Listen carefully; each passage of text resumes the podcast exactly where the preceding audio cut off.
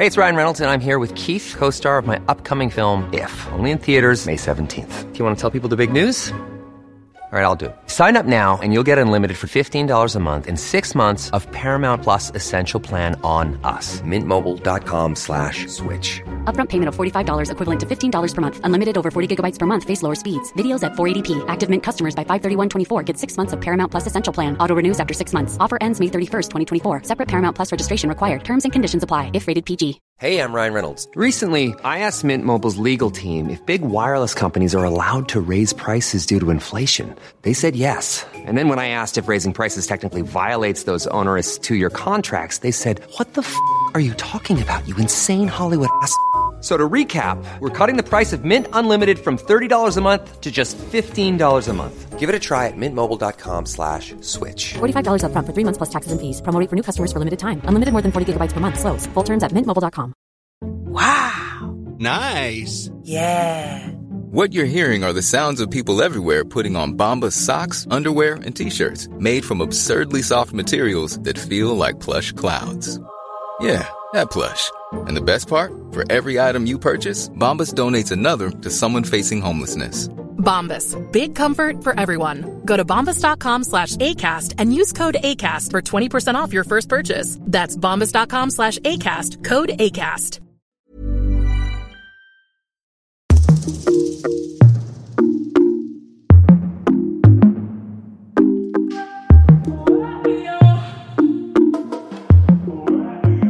Hej och välkommen till Inte som planerat Karriärguiden. Med mig, Tida. Och mig, Victoria. Det här är första avsnittet. Way! Alltså det är så kul. Ja, alltså det är ju första avsnittet på det nya, men det är ju inte första avsnittet Nej, ever. nej. Nej. Men för er som eh, inte vet så har ju vi haft Inte som planerat podden i typ två år. Mm. Och nu har vi vänt och tagit en liten annan riktning och dyker mer ner i, i eh, karriärer och andra människors eh, historier om deras karriärer. Exakt. Det känns jättekul tycker jag. Ja, men det, du gjorde ju en poll och frågade vad är det folk vill lyssna på? Vad vill ni höra om? Och det var ju liksom det här som det landade i. Det var att höra om andra människors liv och om karriär. Så Ja. då var det ganska naturligt att det blev så här. Och jag tycker det känns jätteroligt att få lyssna och jag, liksom på andra människors eh, historier. För även om man kanske känner vissa av dem så vet man ju inte sånt så mycket. För att man pratar ju inte så mycket om ens karriär alltid. Nej, alltså det kan väl vara lite så här bara, ja, hur var det på jobbet? Men det är ju så här, det är inte som att man går ner i detaljer bara så här. Jaha, och vad gjorde du för uppgifter idag på din arbetsplats? Så att man får liksom lite mer djupdykning i så här, vad innebär det och att faktiskt ha liksom ditt jobb. Ja. Ja. Så om du som lyssnar är nyfiken på att byta inriktning eller om du känner någon som är lite delad i livet. Alltså delad i livet? Delad på vad den ska... Delad i mitten. Ja, precis. Men eh, inte riktigt vet vad den vill bli när den blir stor. Det, det kan man ju Känna känna, när man är typ, eh, 50. Ja, exakt. Ja, Mm.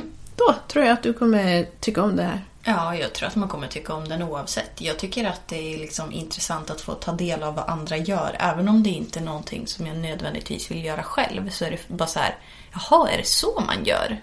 Liksom. Mm, Bara veta lite mer. exakt. Det kommer finnas något för alla här. Jajamän.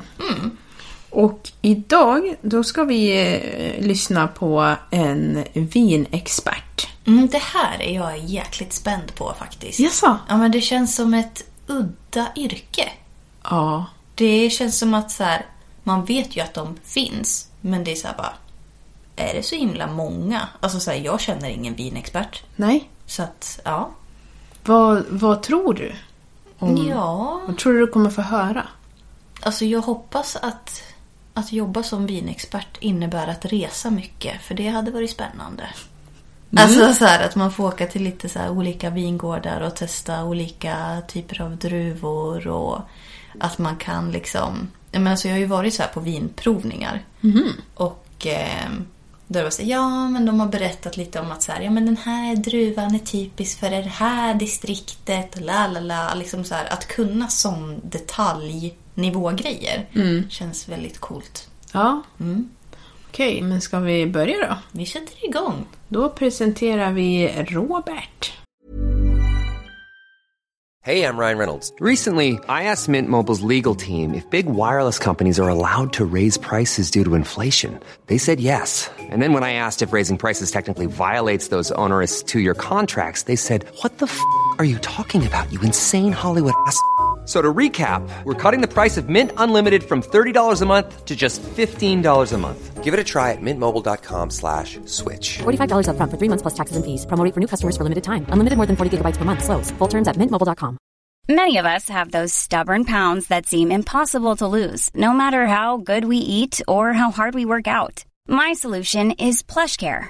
PlushCare is a leading telehealth provider with doctors who are there for you day and night to partner with you in your weight loss journey. They can prescribe FDA-approved weight loss medications like Wagovi and Zepbound for those who qualify.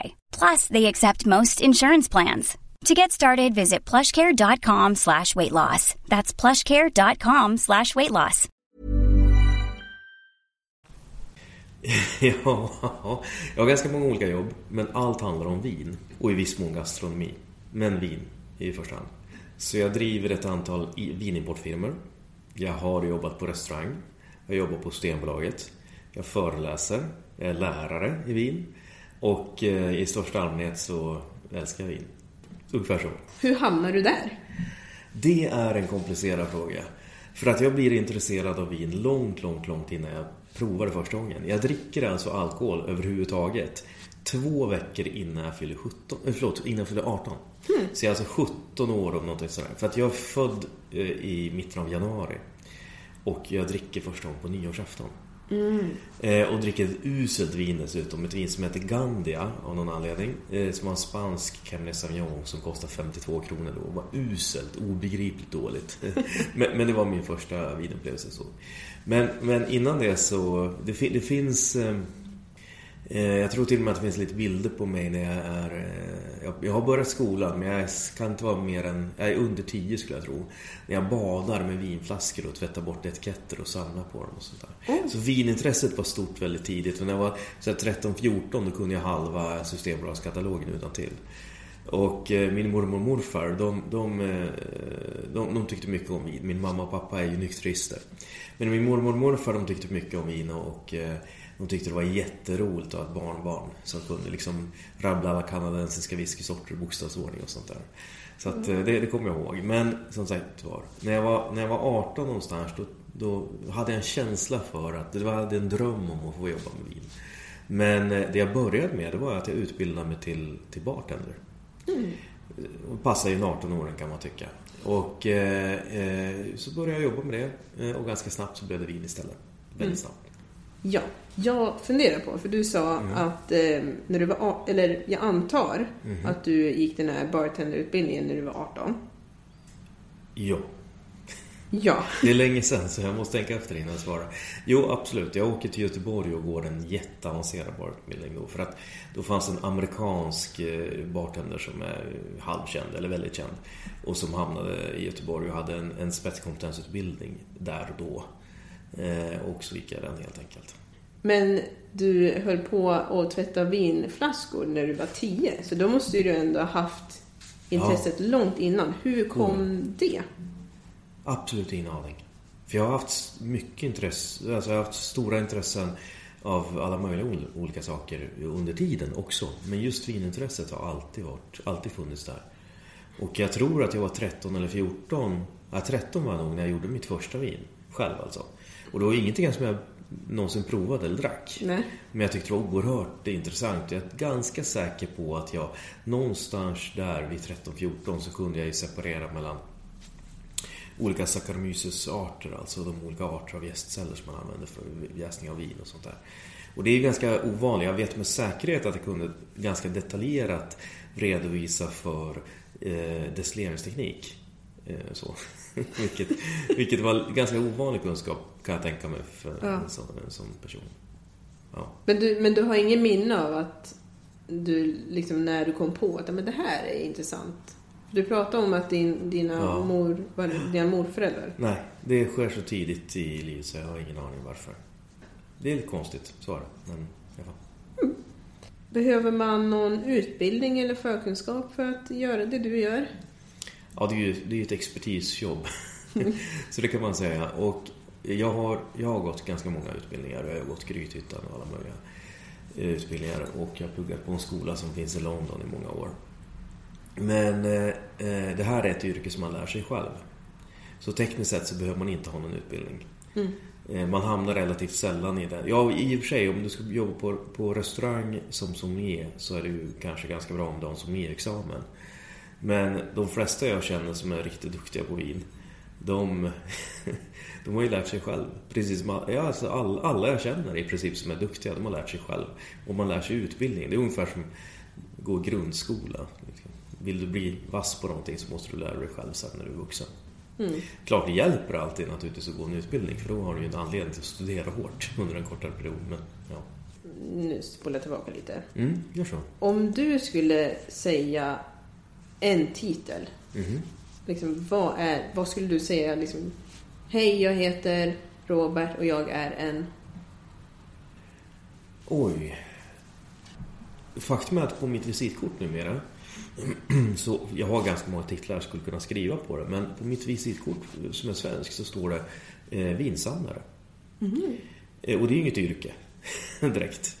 Eh, men eh, Fine Wine Trading står det på mitt eh, engelska visitkort eh, och det är det jag det är det jag eh, egentligen jobbar med idag, så jag är handelsman ska de säga. Men jag är ju handels, handelsman i en väldigt speciell eller väldigt specifik produkt. Speciellt i ett av företagen där jag bara jobbar med ultra rare wine och det är det är väldigt sällsynt, det är inte många som gör det. Jag tror att jag är enda svensk, eller jag är ganska säker på att jag är den enda svensken som gör det.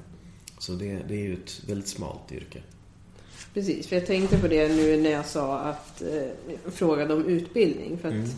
om man ska ha en utbildning då kanske man vill veta vad man ska utbilda sig till. Men då är du... Du skulle säga att du är vinsamlare på svenska. Ja, fast, ja, ja, fast det är ju inget, det är inget yrke som sagt var, så jag kan ju inte gärna...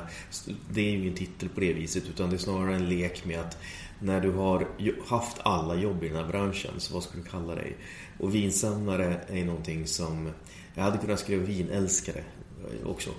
Eh, och har du, har du jobbat tillräckligt länge och mycket i en bransch så eh, är du ganska väl etablerad så där så folk vet eh, lite vad du jobbar med för någonting utan att det sp- stå, spelar någon roll vad det står på ett visitkort. Vinkännare kanske bättre. Och fortfarande väldigt luddigt. Eh, vinexpert möjligtvis. Sommelier är ju ett uppenbart, en uppenbar titel. Och ska man, ska, ska man jobba med det jag, gör, det jag gör så är sommelierutbildning en väldigt bra väg att gå. Så kan man säga. Så vill man ha direkt, en direkt eh, rekommendation så är naturligtvis en sommelierutbildning det enda, enda jag kan rekommendera. En av de här grejerna som du gör, för du, du är liksom... Kan, ska jag kunna säga att du är en vinexpert? Ja, Ja. det tror jag. I Sverige så köper ju de flesta privatpersoner vin på Systembolaget. Mm. Och jag tror att man inte får köpa på något annat ställe om man inte är på en restaurang. Eh, Det finns ett undantag som säger, eh, alltså transithandel då så att säga. Du kan köpa vin direkt från en vinproducent i, i, eh, i ett annat europeiskt land. För att ta ett exempel. Eh, Och då finns det företag som, som driver handel mot svenska marknaden på det sättet. Så om du är svensk privatperson så har du två möjligheter i princip. Och det ena är att köpa på Systembolaget. Det andra är att du köper vin över, ja, över nätet kanske eller så. Men i alla fall att du köper vin utomlands ifrån som sen levereras hem till din dörr. Så det är möjligt. Men den marknaden är väldigt liten i Sverige. Den är några få procent bara.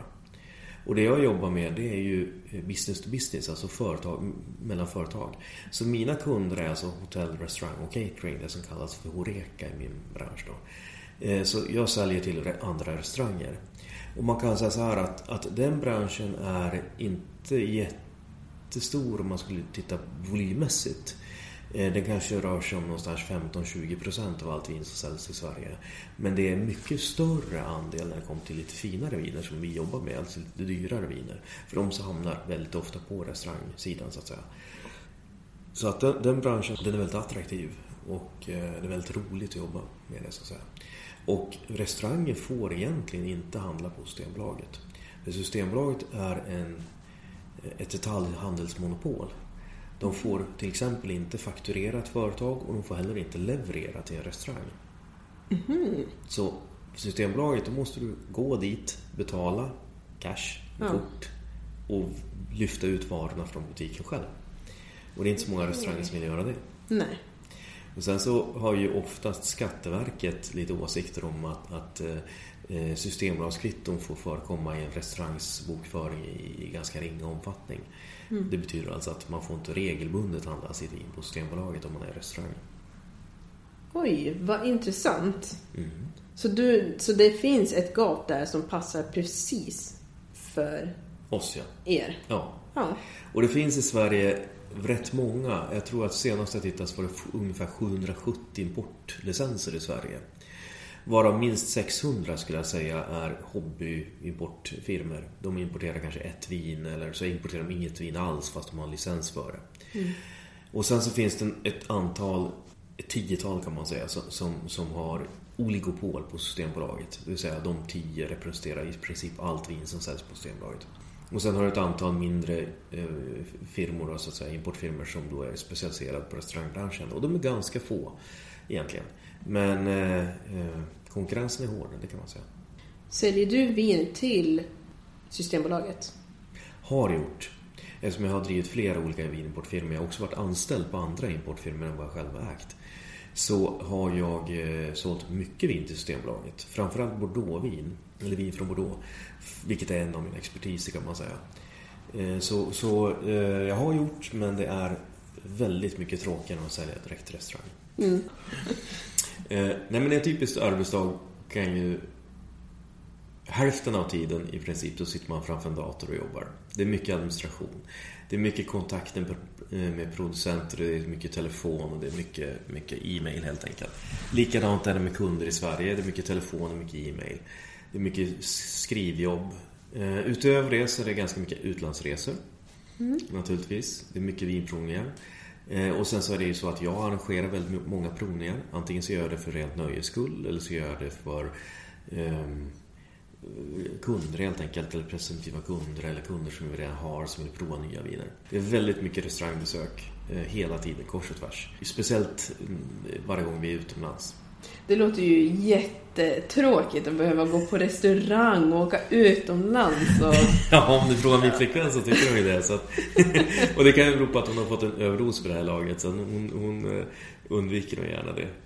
För det är en speciell upplevelse att besöka stjärnkrogar, för det, det är ju eh, det är mycket mat, är väldigt lång tid och det är väldigt, väldigt mycket prat om mat och vin hela tiden. Så att, så att det, har man en, har man en eh, fallenhet för att bli uttråkad så kan man ju någonstans mellan eh, mellan dessert nummer ett och dessert nummer två när vi har suttit till bords i, i sex och en halv timme så kan det bli kanske lite långtråkigt då.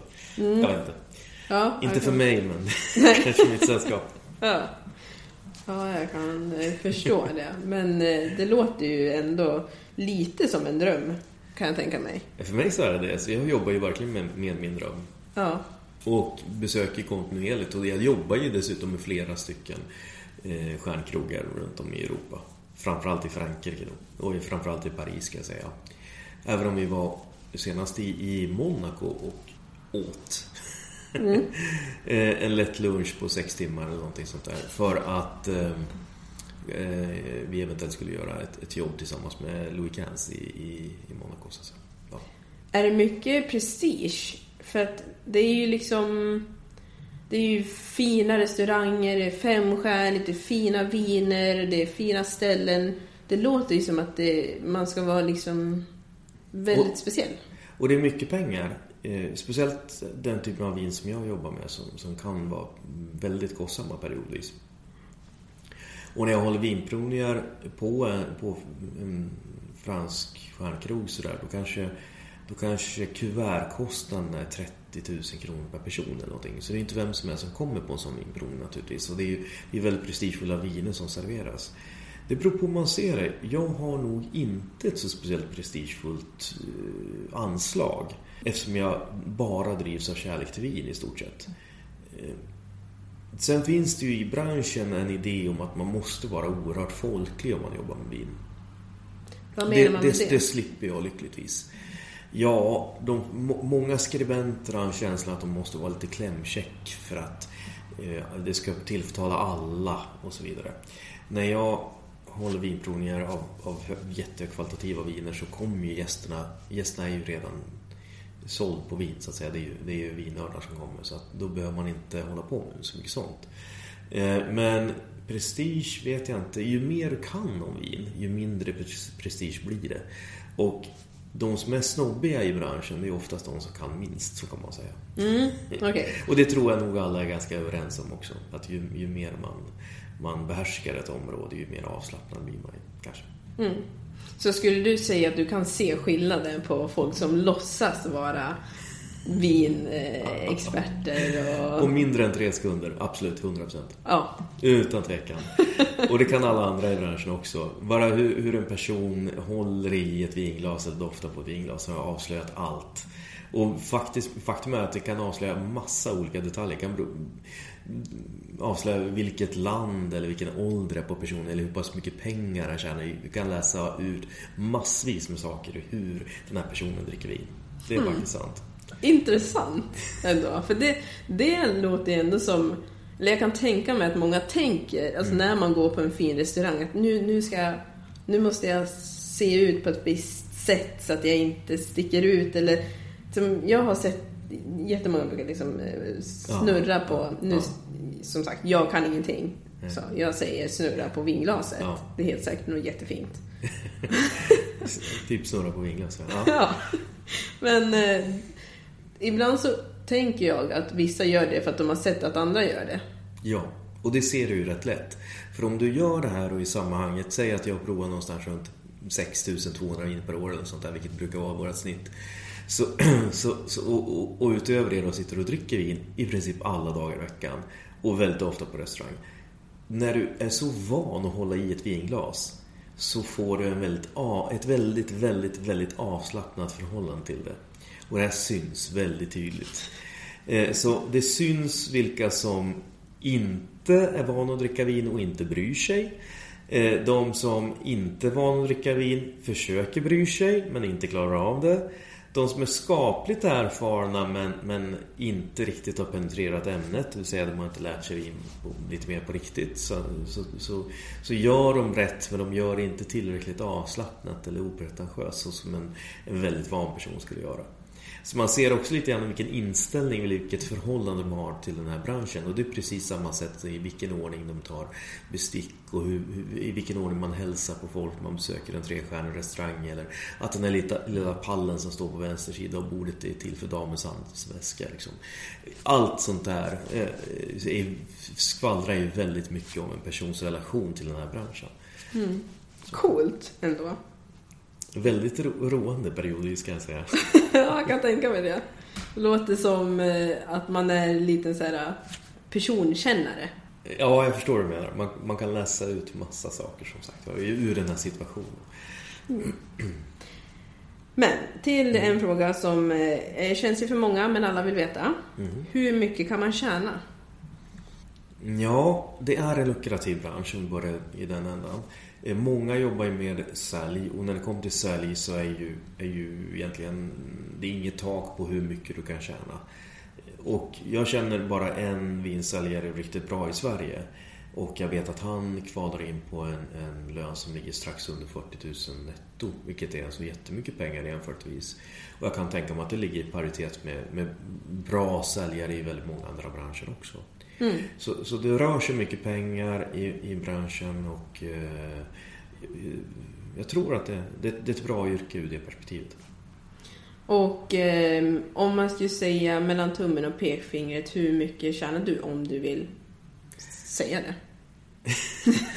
Ja, jag är ju egenföretagare då, så jag äger ju egna företag och eh, förra året så tror jag kvalade in på 43 000 kronor i månaden. Men jag gör ju också en vinst i mina företag så det, det är bara halva sanningen. Och det är officiella siffror så det kan man ju surfa upp om man vill. Annars var det inte något en pinsam fråga. Men, i alla fall. Ja. Men så då är det liksom, du väljer att ta ut så mycket för att som egenföretagare så får man ju ta ut hur mycket eller lite man vill egentligen. Exakt. Yes. Ja. Vart finns jobben?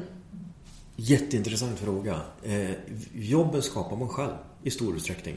Så du kan, och eftersom hälften av jobbet, eller minst hälften av jobbet, eh, är framför en dator så kan du göra det i stort sett var som helst. Jag sitter ju gärna på ett café i Paris och jobbar. Det är ju inget konstigt eller svårt. Eh, du kanske bör kunna resa. Så om du, om du jobbar som säljare i Sverige till exempel så måste du kanske ha bil och, och, och resa en hel del i Sverige. Om du jobbar med eh, eh som produktchef eller liknande så kanske du bör bo hyfsat nära Arlanda. Mm. I korthet, för att du reser mycket. Det, det, är väl det som är begränsningarna. Så du kan nog bo exakt vart som helst skulle jag säga. Men det är naturligtvis lättare ju närmare en storstad du bor. Tror du, eller tycker du att det är viktigt, för, för du är ju egen. Mm. Och det är ju väldigt mycket att man måste göra allting själv. Mm. Så har du haft det, har det kommit på köpet med ditt intresse att hitta kunder från början eller hur har du hamnat där du är just nu? Ja, det var en intressant fråga. Det är egentligen en utveckling. Det började i korthet med att, att jag eh, fick ett jobb på en vinimportfirma. Efter att jag hade jobbat på Systembolaget en, en, en period. Mm. Så fick jag ett jobb på en importfirma. Och ganska snabbt så började jag leva under en period på att hålla i vinprovningar.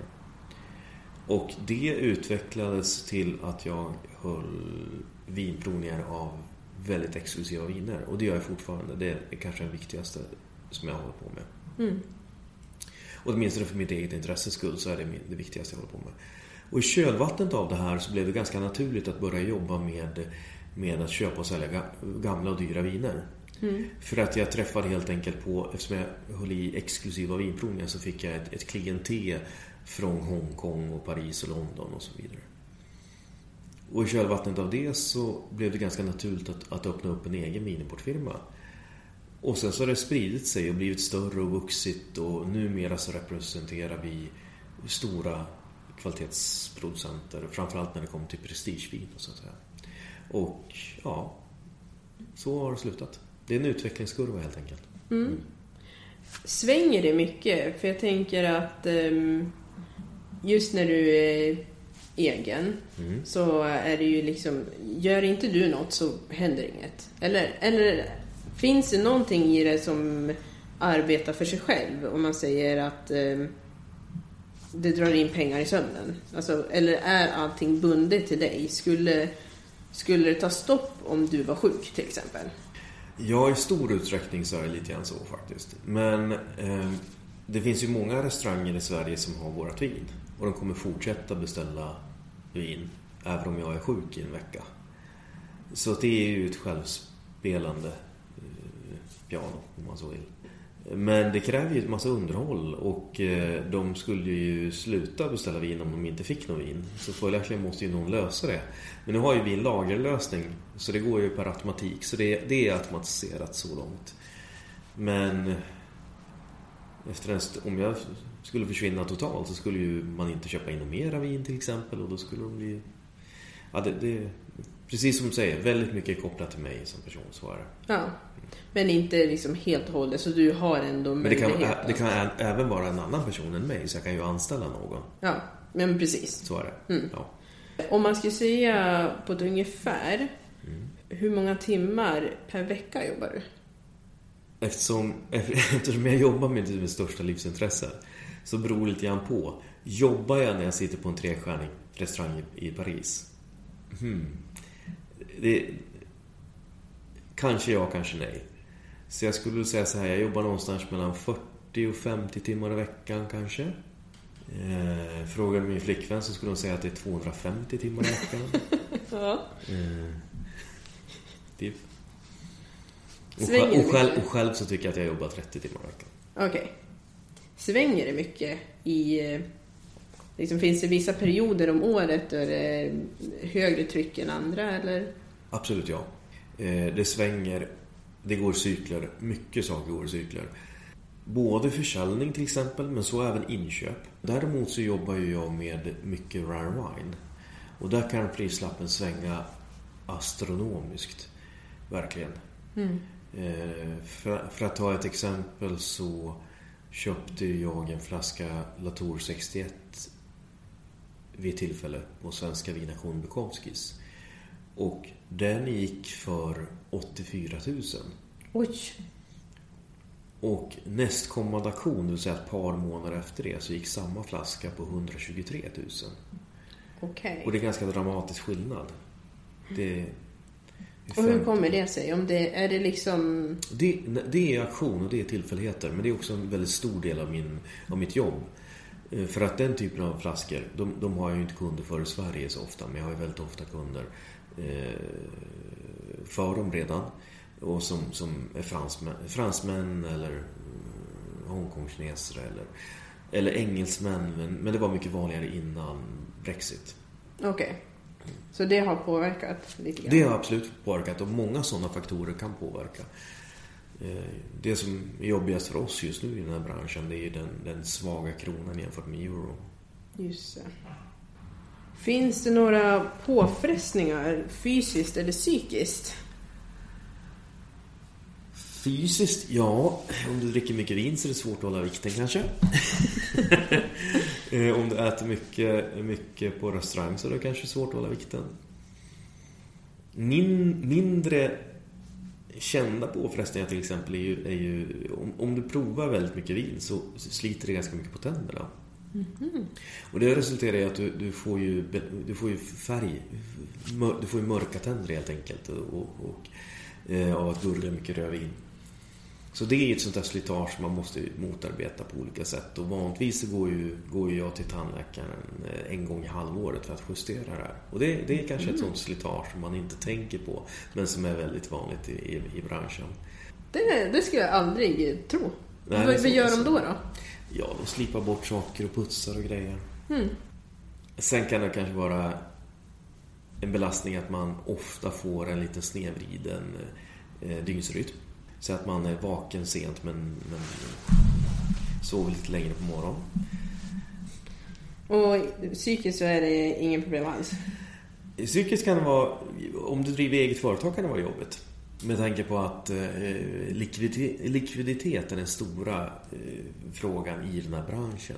Och det beror på att generellt sett så ska du köpa någonting först och betala för det först. Du ska sen importera det till Sverige och det tar tid och sen så ska du sälja det till någon i Sverige och det tar tid och så ska de betala dig och det tar också tid. Och sen så ska du betala en massa skatt.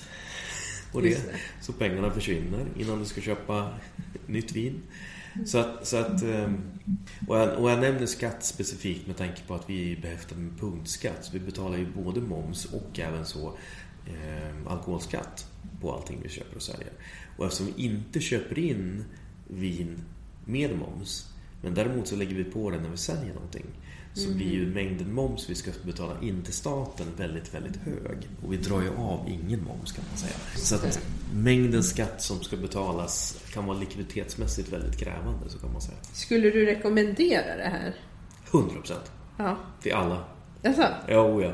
Om man har minsta intresse av mat, det goda livet, fina hotell, resor till vackra länder. Ja, utan tvekan. Ja, men det låter ju solklart. Och en annan stor fördel tror jag med det här jobbet är att jag kan ha det här jobbet ända fram tills att jag i princip trillar av pinn.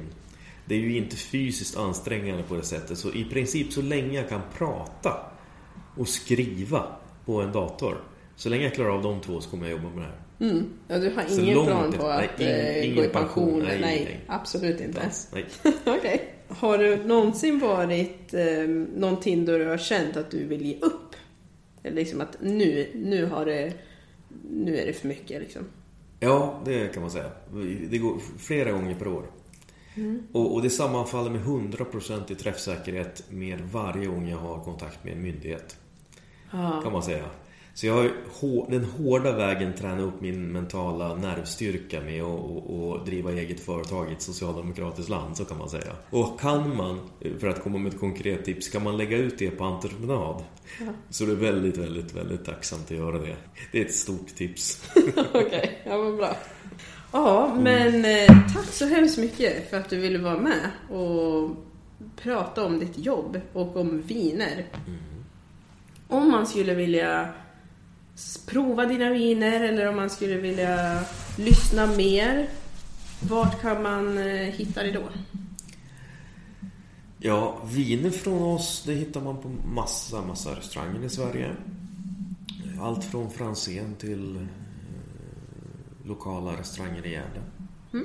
Allt från, jag tror vi har en restaurang som ligger uppe på Treriksröset. Vi har ju några så långt söderut som Malmö och allt däremellan. Eh, Men eh, lyssna mer, ja någon gång kanske det blir en podd från vår sida också, det vet man aldrig. Det ska vara det. Ja men då kommer den ut, då kommer jag säga det i den här podden. Så då vet folk vart de ska någonstans. Härligt. Ja, tack! Tack så jättemycket. Och där var vi tillbaka igen. Ja, Ja, vad tycker du? alltså det här var ju väldigt intressant, måste jag säga. Ehm, men alltså en grej som jag tänkte på, alltså man blir ju liksom lite så här skadad av sitt eget, eller sina egna intressen eller vad jag ska säga. Jag pratar från mitt perspektiv nu. Men det jag tänkte på när, eh, när du ställde den här frågan om så här, ja, men är det fysiskt eller psykiskt påfrestande så tog han ju upp lite det här om tänder och sånt där. Alltså min första tanke var ju bara så här, levern. Alltså, Men ja, okej, då ska jag säga så här. ja. Att, för det första, det här var ett mycket längre samtal som vi hade. Det var kanske en och en halv timme. Ja, och det här var 30 minuter som vi lyssnade Ja, precis. Ja. Mm. Han dricker inte allt. Nej, Han spottar det mesta. ja precis. För det är det som är grejen. Att för, annars skulle han ju... Det går ju inte. Man överlever ju inte. Alltså man kan kanske men... Ja, fast knappt alltså. För han berättade om det att ehm, i, när han är på mässor till exempel.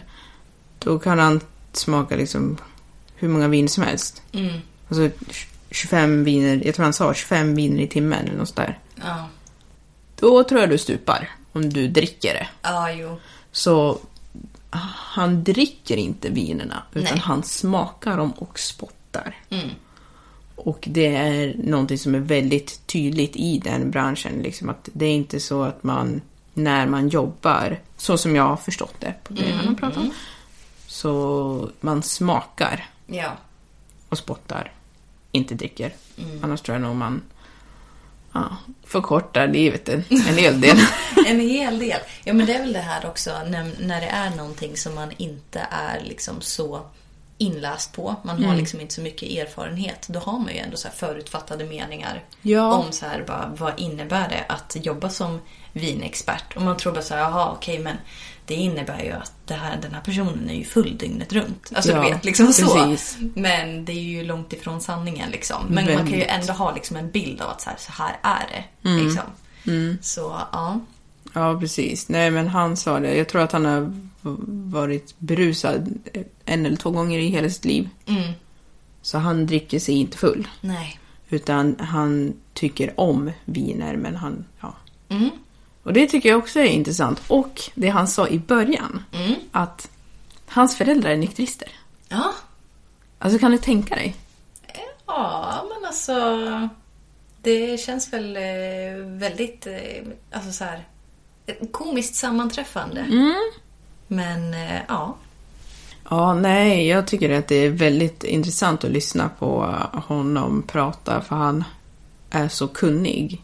Väldigt passionerad. Alltså det hör man ju liksom i sättet som han pratar om sitt yrke och sitt liksom intresse. Och det är så här, när jobbar man, när jobbar man inte? För att liksom allting är bara alltså någonting som man verkligen brinner för. Så det är så här, hur mycket kan man verkligen räkna som jobb? Ja, men precis. egentligen? Ja. Men ehm, Vi, eh, tanken är ju lite när vi gör de här eh, avsnitten att det är så här, bara, ah, men skulle vi kunna tänka oss att jobba med det här? är ju liksom ett segment i det. Ja. Eh, jag tänker att det låter ju som du sa, alltså lite som ett drömscenario. Gå på fina restauranger, åka till vackra platser, resa väldigt mycket. Eh, är man väldigt intresserad av det så jobbar man i princip inte en dag i hela sitt liv. Men eh, jag funderar på hur det går ihop med familjeliv. Eller liksom så här, hur funkar det om man är en vinexpert och reser så himla mycket? Alltså om man har sambo, om man har barn. Eh, har man en fast punkt eller är det liksom så här man är borta typ 11 månader av 12 eller liksom. Ja. Lite så tänker jag. Och jag är ju en sån person som... Alltså, jag älskar att resa. Men jag vill alltid komma tillbaka till min trygga plats. Liksom. Ja. Lite så är jag. Så av den anledningen tror jag att jag inte skulle liksom, kunna jobba med det. Nej. Men hur tänker du där? Jag tänker att det beror på vilken del av yrket man väljer. För att om man jobbar som säljare så tror jag att man reser väldigt mycket. Jag tror att Robban reser... Eller nu, nu är det ju så här att det är ju... Han är ju inte en främling till mig. Nej, nej. Nej. Det här är ju inte någon som du har... Det är faktiskt inte någon som jag har hittat på stan. Utan, Nej. så att jag vet ju att han reser mycket. Men han är ju också hemma mycket. Ja. Eller mycket. Han är ju hemma också. Ja. Så. Men ja, alltså. Det jag tänker är att... Skön... Skulle det passa dig? Det- Jag, jag kan ingenting om viner så. Nej. Men... eh, Ja... Nej, jag vet inte om det skulle passa mig. Jag tror att det skulle... Nej, nej, nej, nej. Nej, gud nej. Nej, nu men- kom jag på. Det skulle inte passa mig. Vet Nej. du varför? Nej. Han är ju väldigt lugn Mm. och så. Och liksom chill och det löser sig så. Ja. Men det här med likviditeten. Han pratar ju lite om det. Mm. Ja, precis. Ja. Att det är ju en av de största grejerna. Det tror jag skulle knäcka mig, alltså stress. ja, men alltså att sitta lugnt i båten när det är storm. Liksom. Verkligen. För det är ju, det är ju såna, det kan vara såna sjuka summor. För att de hela tiden köper, alltså man ska köpa och betala först. Och sen, och att kunna ha den rörelsen att ibland, att det helt plötsligt ska det ut med 800 000. Imorgon. Så ska du ha punna ut eh, 800 000. alltså, ja. För att du sen ska få in kanske en miljon. Men den, den grejen, att vara lugn i det. Okej, och där har jag betalat precis för 800 000 och nu ska jag betala 600 000 i skatt, moms, whatever. Ja. Och så ringer Skatteverket och frågar vad Nej, ja.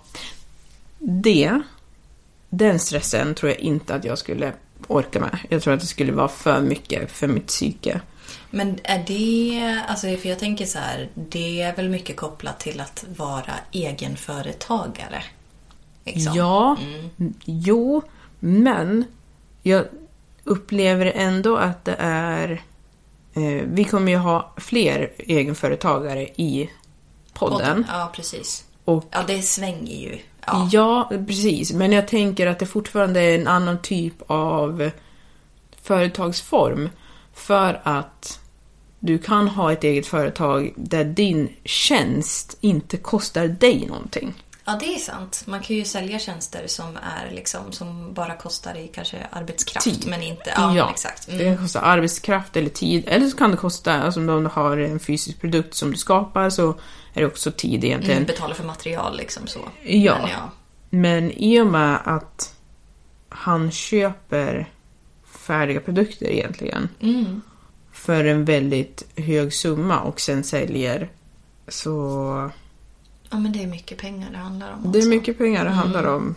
Det, det är väldigt och det kan svänga rejält så jag, jag tror inte det skulle passa mig. Mm. Men däremot så alla de här resorna hit och dit. Ja, ja men det Åh hade ju varit nej, trevligt. nu måste jag åka till Åh, nu måste jag åka till Portugal. Monaco. Oj, oj, och oj. Monaco om nästa vecka. Och så måste jag gå och smaka massa olika mat, alltså gå på någon sån här restaurang med en Michelin-gubbe tänkte jag säga. Michelin-gubbe, ja. Stjärna. ja. Och äta mat för 30 000 eller vad han sa. Mm. Åh, gud vad jobbigt. Nej, det. Ja, jag menar så delar av jobbet är ju säkert sånt som man skulle, om man skulle kunna liksom handpick. Mm. Eh, och sen så tycker jag att det är väldigt liksom intressant när man är ja, men expert på ett område. Mm, det är coolt. Ja, verkligen. För att jag tänker inte säga att det inte finns så många experter, men om jag tänker liksom så här, om du jobbar i en butik. Det är så här, ja du kan ju vara en duktig liksom säljare eller vara väldigt service-minded.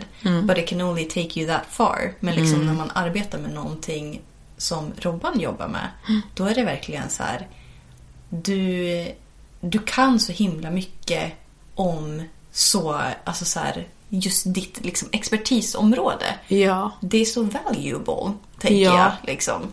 Eh, och att man kan fascineras av att lyssna på det. För jag kände liksom när, när vi lyssnade på intervjun att man blir så man vill ju bara veta mer och mer och mer. Och att kunna liksom fånga sin crowd genom sin kunskap. Ja.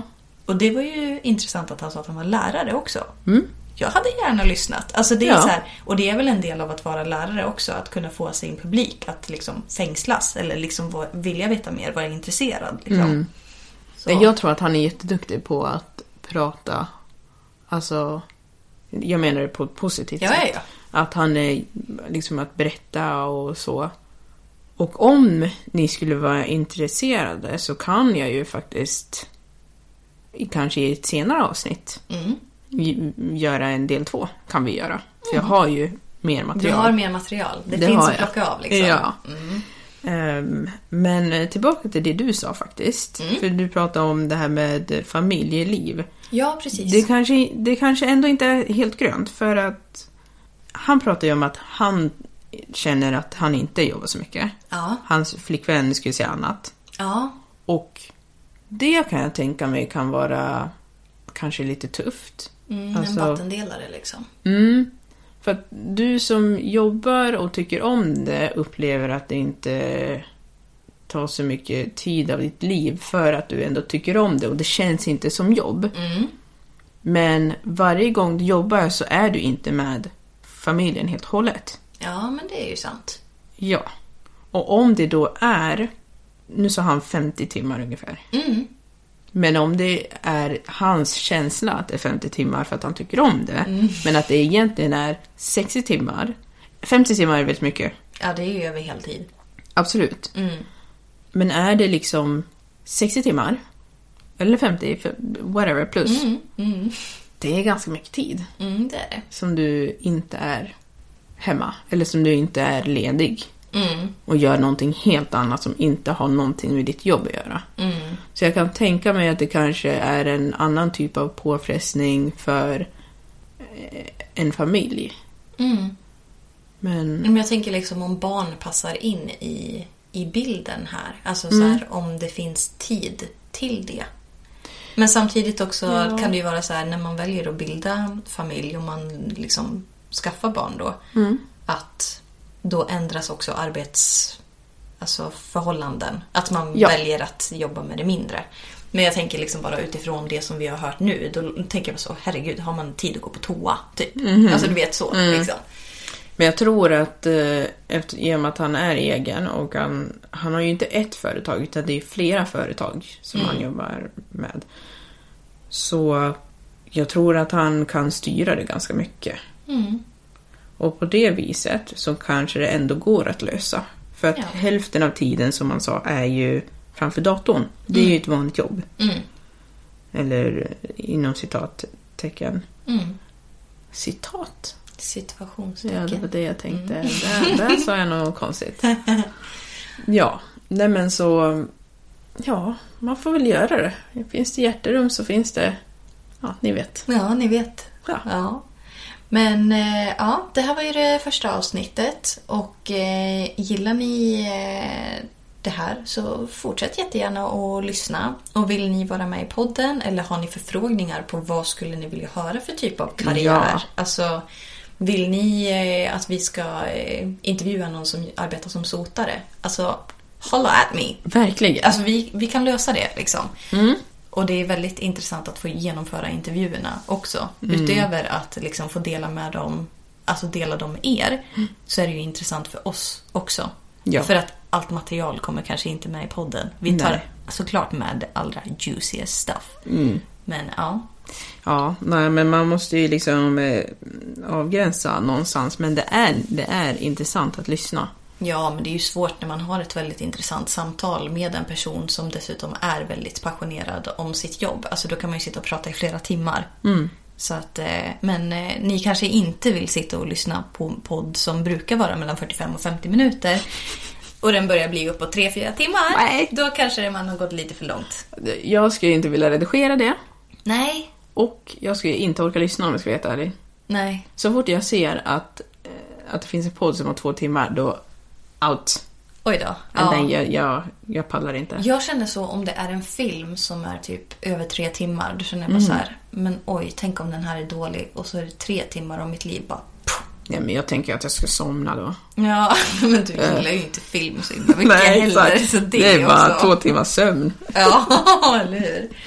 Ja, men eh, vi får tacka så mycket för oss och Ja. eh, så hörs vi i nästa avsnitt. Avsnitt. Ni får ha det så bra. Ja. Ja. ja. Hej då. Hej då!